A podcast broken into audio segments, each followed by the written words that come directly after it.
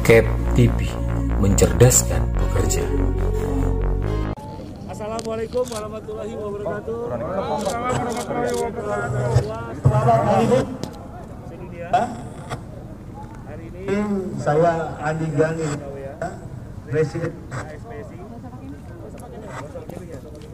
dan juga sebelah saya sahabat perjuangan saya Bung Iqbal, Presiden KSPI bersama seluruh sekjen bersama seluruh ketua umum federasi di bawah konfederasi KSPI dan KSPSI. Hari ini kami membuktikan buruh melakukan aksi dengan mematuhi prosedur kesehatan yang sangat ketat. Semua yang hadir di sini kami pastikan memakai surat antigen, swab antigen. Swab antigen ini kami lakukan sebelum berangkat menuju ke lokasi aksi. Ini menunjukkan buruh sebagai elemen gerakan terbesar di tanah air mematuhi prosedur kesehatan. Setiap tahun kami mengerahkan masa puluhan ribu masuk Jakarta.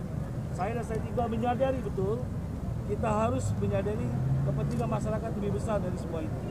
Karena itu kami memakai prosedur kesehatan sangat ketat di seluruh daerah Iqbal ya. Di seluruh daerah semuanya antigen dan mengurangi jumlah dengan sangat signifikan.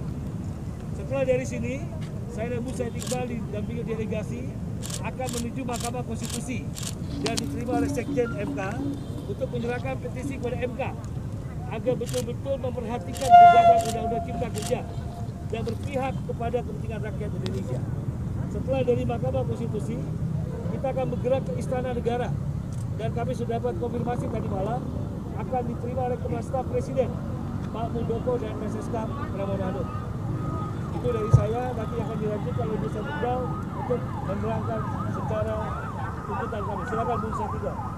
Kawan-kawan media cetak online dan media elektronik terima kasih telah hadir bersama kaum buruh dan mahasiswa. Ada perwakilan Badan Eksekutif Mahasiswa Seluruh Indonesia atau BMSI mengingatkan terus kepada elemen masyarakat yang akan melaksanakan unjuk rasa untuk tetap memperhatikan protokol kesehatan termasuk awak media. pencabutan pembatalan Omnibus Law Undang-Undang Cipta Kerja nomor 11 tahun 2020.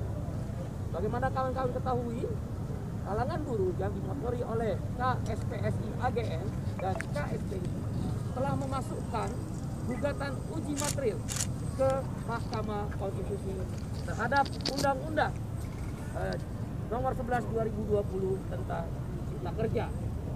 Pada hari ini kami menyuarakan secara keras kepada majelis hakim mahkamah daripada Mahkamah Konstitusi untuk memperhatikan sungguh-sungguh terhadap apa yang menjadi pokok-pokok perkara dalam uji materi di MK tersebut. Ada sekitar 69 pasal yang kita uji materikan di dalam klaster ketenaga kerjaan. Antara lain ada 9 isu prioritas dari 69 pasal tersebut. Yang pertama tentang upah minimum. Kami tidak setuju hilangnya UMSK.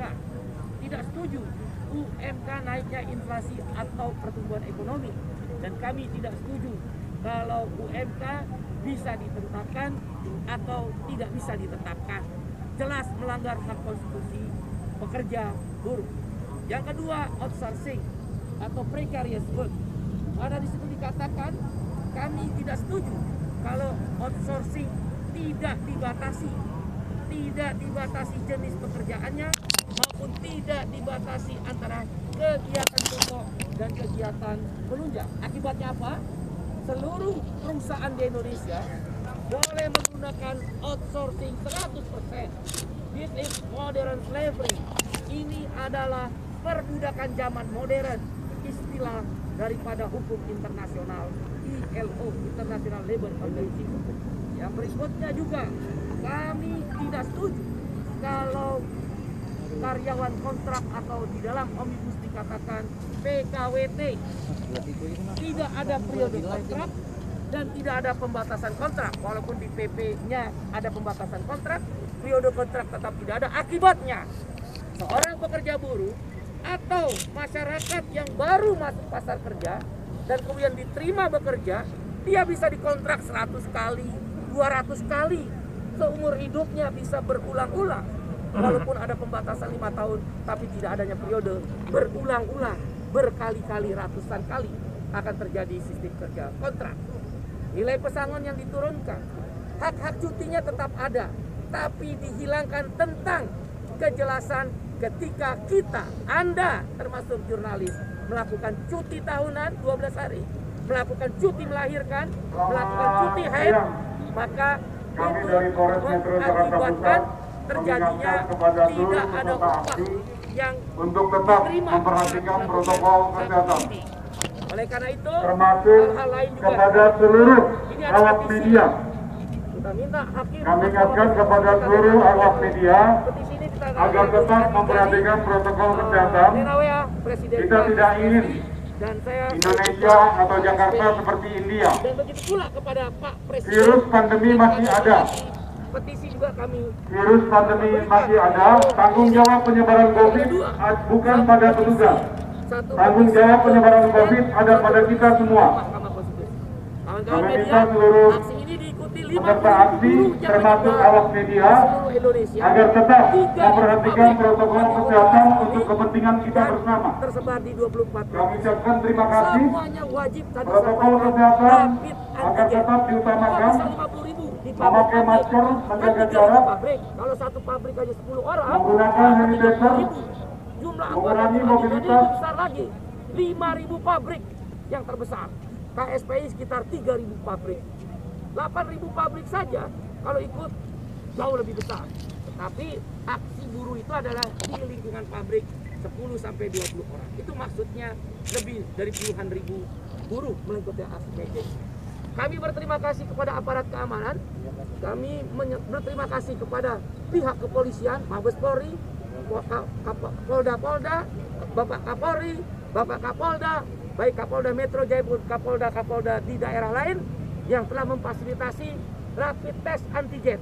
Tetap memberi ruang aksi, tapi harus tetap dijaga kesehatan di selama pandemi corona ini.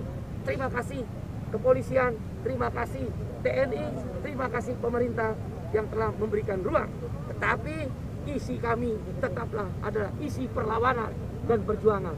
Kami yakin Bapak Presiden akan mendengarkan petisi ini dan Hakim Mahkamah Konstitusi harus mencari fakta, tidak hanya mencari kata-kata di dalam kalimat undang-undang. Contoh, setelah Omnibus Law, benar nggak karyawan outsourcing dan karyawan kontrak merajalela? Benar.